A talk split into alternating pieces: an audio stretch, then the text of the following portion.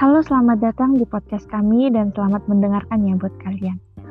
Untuk awalannya, kenalan dulu aja kali ya. Aku Setitria Vitaloka, panggil aja Vitaloka. Biar singkat, di sini aku nggak sendirian. Ada beberapa teman aku yang nemenin. Ceritanya biar nggak kesepian gitu.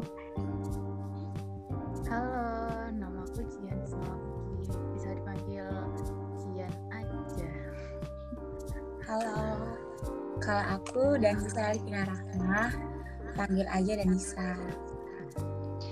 Halo, kalau aku Hairi Mas Ririn, panggil aja Ririn. Eh iya, kalian pada puasa nggak nih? Enggak. Puasa dong. Lagi nggak puasa sih, lagi dapat lagi dapat bonus. Berarti udah ada yang bolong dong puasanya. Alhamdulillah udah. Alhamdulillah. Bolong semua. Boleh semua. Berarti kita ntar gantinya bisa bareng-bareng nih. Bisa. Senin Kamis ya. Tapi alhamdulillah lah ya kalau puasanya pada lancar semua. Dan semoga kita seterusnya sampai lebaran diberi kesehatan supaya bisa menjalankan ibadah puasa dengan lancar ya. Amin. Amin. Amin. Amin. Eh iya, kembali lagi ke topik dulu aja yuk. Di podcast episode 6 ini, kami mau ngebahas soal teknik pengambilan keputusan dalam kondisi resiko dan konflik. Sebelum masuk ke materinya, boleh gak sih kalau aku tanya-tanya dulu ke kalian, biar nggak canggung-canggung gimana gitu. Jadi tuh gini, menurut kalian resiko itu apa sih? Aku mau coba jawab. Ah, Jihan dulu. Jihan dulu. Oh, aku. Eh, kalau menurut aku resiko resiko itu kesempatan timbulnya kerugian ya. Kalau menurut kalian apa? Kalau menurut aku sih, resiko itu ketidakpastian atau penyimpangan dari hasil yang diharapkan. Gak sesuai gitu. Hmm, kalau menurut aku, resiko itu suatu hasil yang berbeda dari yang diharapkan. Oh iya, aku juga tahu akibat dari resiko itu sendiri akan menimbulkan kerugian dan ketidakpastian. Resiko itu tidak akan dapat dihilangkan sepenuhnya, tetapi hanya dapat diminimalkan atau dibuat sekecil mungkin sampai pada batas-batas tertentu dengan mengelola resiko secara baik, kayak manajemen resiko. Untuk jenis-jenis resiko sendiri ada beberapa macam. Ada yang bisa jelasin nggak nih? Kan pada udah baca-baca gitu kan ya materi-materinya. Eh, aku mau coba jelasin deh. Coba Boleh nggak? Ya coba Danisa. Eh, coba. jadi jenis-jenis resiko yang aku tahu nih ya. Yang pertama itu ada resiko murni dan resiko spekulatif. Resiko murni adalah resiko yang bila terjadi dapat mendatangkan kerugian saja dan tidak dapat menimbulkan keuntungan. Contohnya tuh kayak eh, resiko kebakaran. Kan kalau terjadi kebakaran akan menimbulkan kerugian dan nggak ada keuntungannya kan. Nah, pada umumnya sih resiko murni ini dapat diasuransikan. Sedangkan kalau resiko spekulatif adalah resiko yang bila terjadi dapat menimbulkan kerugian sekaligus mendatangkan keuntungan. Contohnya itu resiko pemasaran, resiko produksi, resiko keuangan, dan resiko usaha lainnya. Terus yang kedua itu ada eh, resiko dinamis dan resiko statis nih. Kalau resiko dinamis itu resiko-resiko yang timbul akibat dari suatu keadaan yang terus terus berubah Eh, seperti keadaan sosial yang berubah, lingkungan yang berubah, atau perubahan teknologi. Sedangkan yang satunya risiko statis adalah risiko-risiko yang selalu ada walaupun tidak tidak terjadi perubahan perubahan keadaan. Eh, seperti misalnya kebakaran. Eh, risiko kebakaran tadi kan tetap ada walaupun kehidupan masyarakat tidak berubah ya. Pada umumnya risiko-risiko statis ini digolongkan sebagai risiko murni. Terus yang aku tahu yang ketiga itu ada risiko fundamental dan risiko khusus. Eh, kalau risiko fundamental adalah risiko yang menyangkut rakyat banyak seperti risiko dinamis dan risiko statis fenomenal seperti gempa bumi, letusan gunung berapi dan sebagainya. Sedangkan eh, risiko khusus ialah risiko yang mengancam orang perseorangan seperti tadi kebakaran. Uh, istilah resiko khusus itu juga dipakai dalam arti bahaya bahaya lain selain kebakaran yang diasuransikan sebagai tambahan. Aku taunya sih cuma itu. Atau ada yang tahu lagi kalian bisa nambahin gitu? Uh, aku mau coba nambahin ya guys. Boleh. Boleh. Yang keempat uh, ada resiko perorangan dan resiko kebendaan. Resiko per perorangan ialah resiko murni yang dapat menimpa orang seperti kematian orang dan resiko kehilangan mata pencarian akibat usia lanjut, sakit ataupun pengangguran. Sedangkan risiko kebendaan ialah risiko yang dapat menimpa benda seperti rumah, pabrik, kendaraan bermotor, dan sebagainya. Risiko ini disebut dapat terdiri dari risiko kebakaran, kerusakan, gempa bumi, banjir, dan sebagainya. Lalu kelima ada risiko objektif dan risiko subjektif. Risiko objektif dapat diartikan dengan sebagai penyimpangan secara relatif antara kenyataan dengan kemungkinan terjadinya kerugian tersebut, di mana pengukur dijad dijadikan untuk jangka waktu yang cukup besar jumlahnya sehingga secara statistik dapat diukur kemungkinannya atau probabilitasnya secara lebih wajar dan tepat. Sedangkan risiko subjektif dapat diartikan sebagai ketidakpastian secara psikologi di mana lebih bersumber pada tingkah laku, mental, pengalaman, ataupun pandangan hidup dari orang yang bersangkutan. Itu aja sih yang aku tahu. Jelas banget sih penjelasan dari kalian sebelumnya. Terima kasih banyak ya buat Denisa sama Ririn yang udah ngejelasin. Jadi kita semua jadi tahu gitu loh. Iya, sama-sama. Ya, sama-sama. Eh kalian pernah gak sih uh, ini berada kayak di posisi ngambil keputusan yang sangat sulit? Terus pas kalian ada di fase-fase konflik gitu kayak ada masalah lah yang beresiko gitu kan? Terus kalian pasti bingung tuh. Jadi bimbang kan kalau ngambil keputusannya pas lagi ada keadaan kayak gitu. Terus uh, ada yang pernah ngalamin gitu nggak? Uh, aku pernah kayaknya waktu uh, pas mau masuk kuliah. Kan uh, kayak kan mau pilih universitas tuh. Ah. terus kayak rembuk-rembuk gitulah sama orang tua. Kan aku maunya di Jogja pas itu. Terus tiba-tiba orang tua pengennya di Semarang karena alasannya dekat sama rumahnya nenek.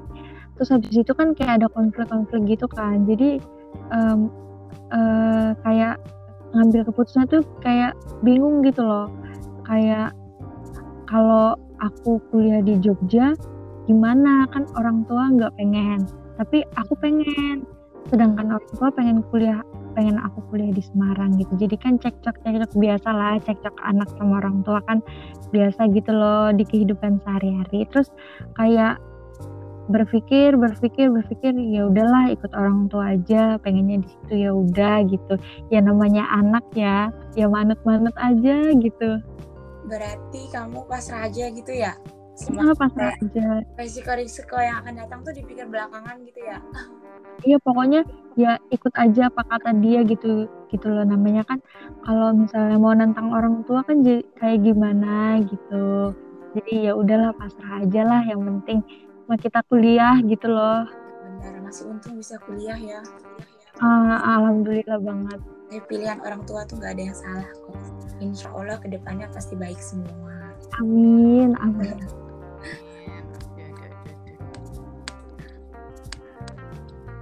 uh, kalau kamu gimana nih? Kalau yang lain kayak pernah gak sih kayak ada di posisi aku juga atau ada konflik-konflik yang lain gitu yang kayak duh bingung nentuin apa ambil keputusannya gimana atau masih bimbang atau nentang atau ya udahlah pasrah aja kayak aku. Iya tuh pernah nggak Han? Diam-diam baik dari tadi.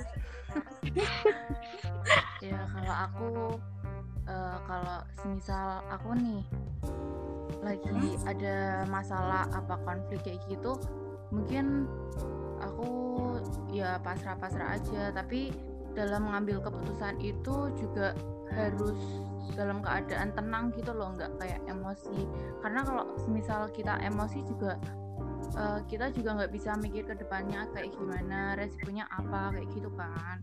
Dan kalau misal uh, waktu ngambil keputusan kayak gitu yang mungkin memang bener-bener uh, keputusan itu tuh udah pilihan terbaik dari masalah-masalah kita itu pasti tetap ada resikonya juga kan. Jadi ya aku ngikutin alurnya aja kayak pasrah aja gitu. Uh, karena kalau aku sendiri kalau menurut aku uh, kalau semisal kita udah berani ngambil keputusan pasti ada resikonya buat ke depannya dan harus uh, kita uh, kayak dan kita harus tanggung jawab sendiri gitu loh dari keputusan kita itu kalau aku gitu sih. Tapi kamu pernah gak sih Han kayak ngambil keputusan misalkan ada konflik terus ngambil keputusan aja main ngambil keputusan aja gitu kadang lupa pikir panjang jadi ujung-ujungnya kadang nyesel ih kok tadi aku gini ya kok tadi aku gitu ya. Pernah juga gak sih? Kalau aku nyesel sih ada ya pasti ada kalau kayak gitu. Cuma ya ya dijalanin aja kayak gitu. Kan dari awal kita juga udah milih uh, keputusan kayak gitu gitu loh. Jadi ya ya udah jalanin aja kayak gitulah.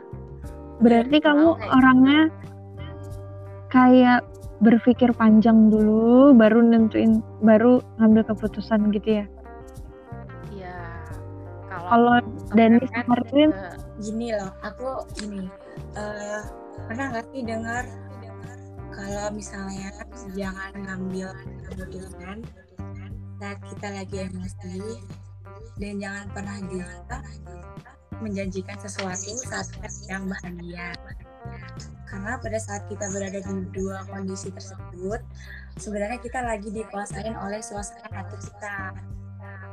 Jadi saat kita ngerasa emosi entah marah atau sedih jangan buru-buru untuk mengambil keputusan kenapa Ya karena keputusan yang kita ambil sudah pasti bukan berdasarkan logika atau akal sehat, melainkan itu berdasarkan emosi yang hanya sesaat atau sedang kita rasain saat itu. Kan kita nggak mau tuh kalau eh, keputusan yang kita ambil jadi penyesalan di kemudian hari. Makanya kalau sedang ngerasa emosi, ada baiknya kita ambil waktu deh untuk menenangin diri. Uh, jangan biarkan emosi itu menguasai diri kita, biarkan dia mereda dulu, biar bis, kita bisa kembali berpikir dengan jernih itu uh, kayaknya pengalaman banget banget nih Denis ya. Iya nih Han kayaknya Denisa berpengalaman banget ya. Secara rinci gitu dia ngasih tahunya. Jelas banget tau tapi kayak gitu mending uh, kamu cerita nggak sih sama temen deket atau sahabat gitu daripada kamu tiba-tiba langsung ngambil keputusan yang uh, kayak bakal ngerugiin kamu gitu loh. Iya, iya kayak sharing-sharing gitu kan. Kita kan kayak minta pendapat, baiknya gimana sih, gini gini gini biasanya kan gitu kan. Iya.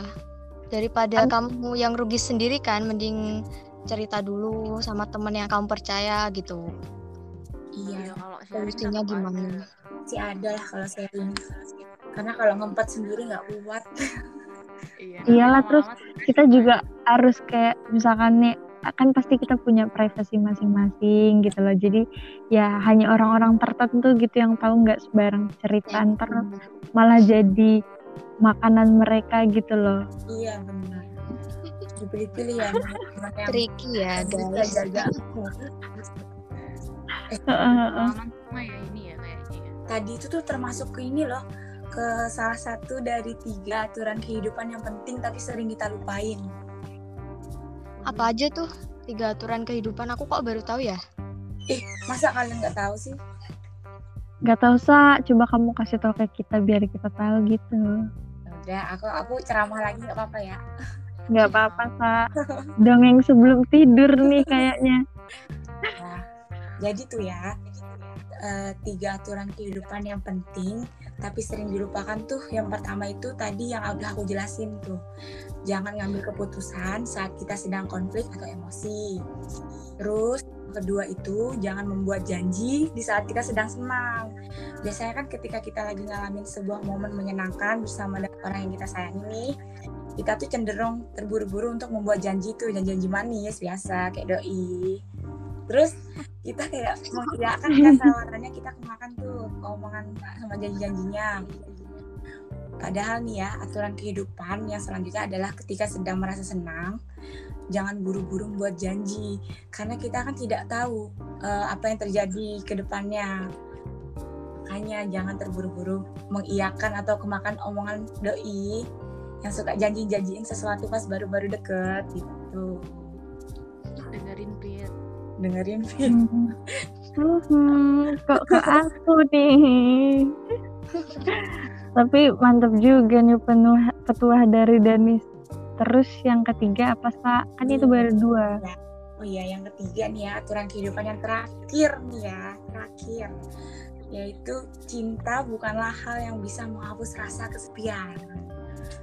Kadang kan kalau ada yang jomblo pasti bilang gini, eh aku kesepian nih, cariin cowok dong, kenalin dong ke temen kamu, ada nggak yang jomblo juga, biar aku kesepian gitu kan biasanya kan. Biar aku nggak kesepian kalau. Iya biasa kan gitu kan. Padahal ya ada masa di mana biasanya seseorang tuh akan ngerasakan kesepian. Nah biasanya tuh kita kita akan cenderung mikir kayak merasa kesepian tuh karena jomblo. Padahal tuh uh, itu tuh bukan pemicu apa rasa sepi rasa sepi yang kita rasain itu bukan pemicu untuk kita mencari cinta. Karena nyatanya cinta itu uh, bukanlah suatu hal yang bisa menghapus rasa kesepian. Kalau diperhatiin ya banyak orang yang walau udah dia punya pacar nih tapi masih ngerasa kesepian. Karena pacarnya sendiri sibuk sama dunianya sendiri gitu. Maka dari itu uh, bisa dibuktiin nih kalau cinta tuh belum tentu menjadi jawaban bagi rasa sepi yang sedang dirasakan oleh seseorang.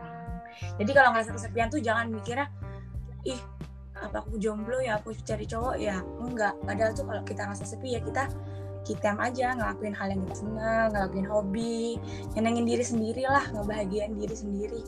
Gitu. Dan biasanya kan gak harus soal doi ya kan iya. kita punya teman, punya nah, kayak keluarga gitu yang kadang bikin iya. kita enjoy apa segala macam gitu. Kadang kan orang nggak sadar gitu loh hal-hal yang di sekitar iya. mereka. Padahal tuh nyenengin.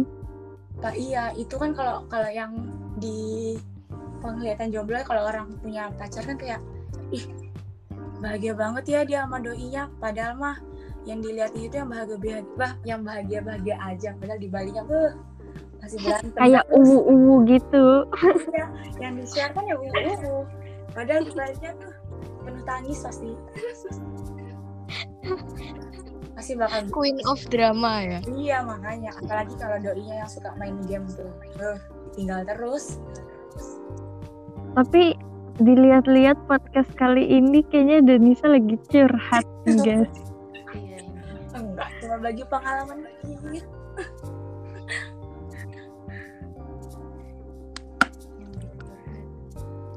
udah yuk yuk kita kembali ke materi lagi. Malah kebanyakan curhat aku ntar. Oke kita lanjut ke materi ya. Oke. Okay. aku tuh ada ngebaca dari satu sumber katanya ada beberapa tahapan tahapan keputusan dalam kondisi risiko maupun konflik. Nah untuk tahap-tahapnya ada tiga nih. Satu, diawali dengan mengidentifikasikan bermacam-macam tindakan yang tersedia dan layak. Terus yang kedua, peristiwa-peristiwa yang mungkin dan probabilitas terjadi harus dapat diduga. Dan yang ketiga yaitu payoff untuk suatu tindakan dan peristiwa tertentu ditentukan. Itu sih aku baca eh, ada tiga. Aku juga pernah baca nih artikel kalau katanya tuh ada beberapa teknik-teknik pengambilan keputusan juga tahu. Apaan, Apaan tuh? Kasih tau lah biar kita sama-sama paham. Biar paham. Sebelumnya teknik pengambilan keputusan yang terdapat resikonya itu dapat dilakukan dengan beberapa pendekatan yaitu dengan cara menentukan nilai harapan, nilai kesempatan yang hilang dan nilai harapan informasi sempurna. Nah, teknik yang pertama itu ada expected value, tapi sebelumnya uh, maaf sorry dulu kalau misal uh, bahasa Inggrisnya belepotan ya. Apa? Gak bisa bahasa Inggris ini masalahnya. Indonesia. Dimaklumi, dimaklumi. Oke, yang pertama ada expected value. Itu uh, atau bisa disebut namanya nilai ekspektasi, kriteria yang paling sering digunakan. Expected value untuk suatu tindakan adalah rata-rata tertimbang payoff, yaitu jumlah dari payoff untuk setiap tindakan peristiwa dikalikan probabilitas peristiwa yang bersangkutan.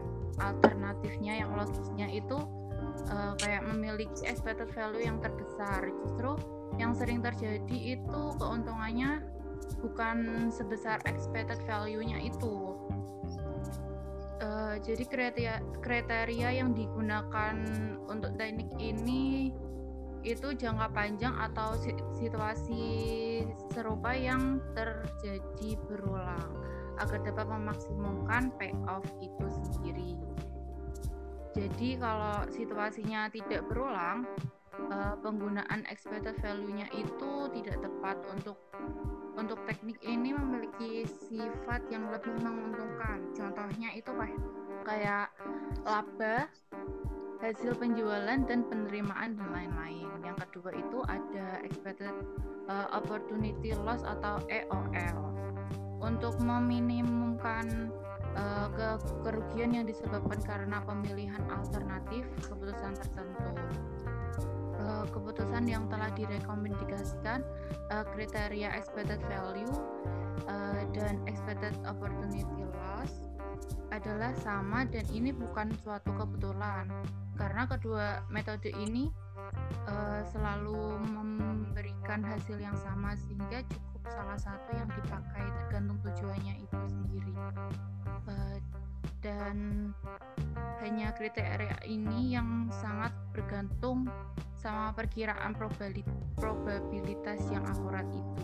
Dan sifatnya itu merugikan contohnya kayak pengeluaran kekalahan dan lain-lain oh iya uh, masih ada satu lagi nih yang ketiga tapi aku lupa ada yang bisa bantu aku nggak buat ngejelasin yang ketiga ini Kayaknya aku ingat Han yang ketiga. Coba apa coba? Kalau nggak salah expected value of perfect information ya atau EVPI merupakan perluasan dari kriteria EV dan EOL atau dengan kata lain informasi yang didapat pengambil keputusan dapat mengubah suasana risk menjadi certainty atau membeli tambahan informasi untuk membantu pembuat keputusan. Terus untuk EVPI sama dengan IOL, minimum, minimum atau terbaik. Karena IOL mengukur selisih EV terbaik keputusan dalam suasana risk, risk dan certainty. Gitu sih. Jelas banget gak sih penjelasan dari mereka ini kayak kita dapat ilmu baru gitu loh pengetahuan baru. Pokoknya kalau udah Jihan sama Ririn yang ngejelasin. Kayak duo super. waduh waduh waduh dari podcast ini juga kita uh, kayak nemuin pengalaman baru juga nggak sih pengetahuan baru gitu loh kayak kita terciptaan Danisa juga. Nggak ada. Nggak kita tuh kayak sadar gini loh. Setiap keputusan yang kita ambil tuh masing-masing tuh pasti punya risiko tersendiri. Tinggal gimana aja kita mau berani ambil risiko yang mana yang harus yang berani kita ambil gitu. Karena nggak ada nggak ada satu keputusan yang nggak beresiko pasti ada. Maupun itu besar atau kecil ya pasti ya, ada. pasti ada. Dan itu tergantung kita berani yang mana ngadepinnya resikonya kalau kalau kayak gitu kalau misalkan nih udah udah dijelasin gitu dapat hal baru segala macam kayak tahu nggak sih kesimpulan hari ini podcast yang kita omongin itu apa? Dari siapa? Coba Ririn. Biasanya sih Ririn yang jago-jago sih yang jago. Kalau nyimpulin nyimpulin sesuatu tapi itu kan kayaknya kalau di kehidupan kita ya kayak teori-teori itu kayak nggak ada nggak sih? Kayak nggak kepake gitu loh. Kadang belum, beda jauh gitu kayak belum ya, mungkin belum kepake gitu ya. Teoris. atau kita belum sadar dan belum tahu pas itu. Yang penting sih kalau menurutku kalau kalian ya dihadapkan dengan keputusan yang harus kalian ambil tapi kalian belum berpengalaman gitu ya di situ. yang penting sih menurut aku um, jangan gegabah sih kayak harus dipikir benar-benar matang terus cerita sama orang yang kita percaya gitu untuk menentukan keputusan yang terbaik gitu loh. Kalau iya juga sih ada bener juga. Ada yang mau nambahin gak nih dari Danisa atau Jihan mungkin iya deh aku juga cukup terlalu berat pembahasan kita hari ini sih wih. Berat. Ya kan cerita pengalaman tentang keputusan. Biasanya ya kita kalau ngambil keputusan terus di akhir-akhir kayak di akhir-akhir kayak ih aku nyesal kan gitu ya. gitu. sering gak sih gitu? Sering sering. Banget. Pasti ada nyesal-nyesalnya. Kalian punya tips nggak sih buat kayak biar nggak nyesel gitu kalau ngambil keputusan yang sulit gitu. Tips dan trik mungkin dari yang expert. Gimana ya biasanya kayak dipasrahkan aja sama Tuhan baiknya gimana? Biasanya butuh waktu sih kalau mikirinnya. Butuh waktu butuh tenang. Kalau ngambil iya, satu keputusan dulu enggak ngambil keputusan enggak dari emosi kayak gitu iya ya. butuh tenang butuh waktu dipikirin benar-benar ke depannya gimana. Kalau bisa sih jangan nyesal tapi biasanya kalau nyesel ya udah dijalin aja udah terlanjur kan. Nasi udah jadi bubur tinggal udah gimana aja. iya ya. sudah jadi bubur tinggal gimana kita ngias bubur itu aja biar menarik ya nggak? Tinggal ditambah kuah kerupuk iya, sambal hmm. lapar nih sedep gak tuh oke okay deh um, kayak makan kayak uh, kita akhiri aja ya podcast hari ini tentang teknik pengambilan keputusan dalam kondisi resiko dan konflik.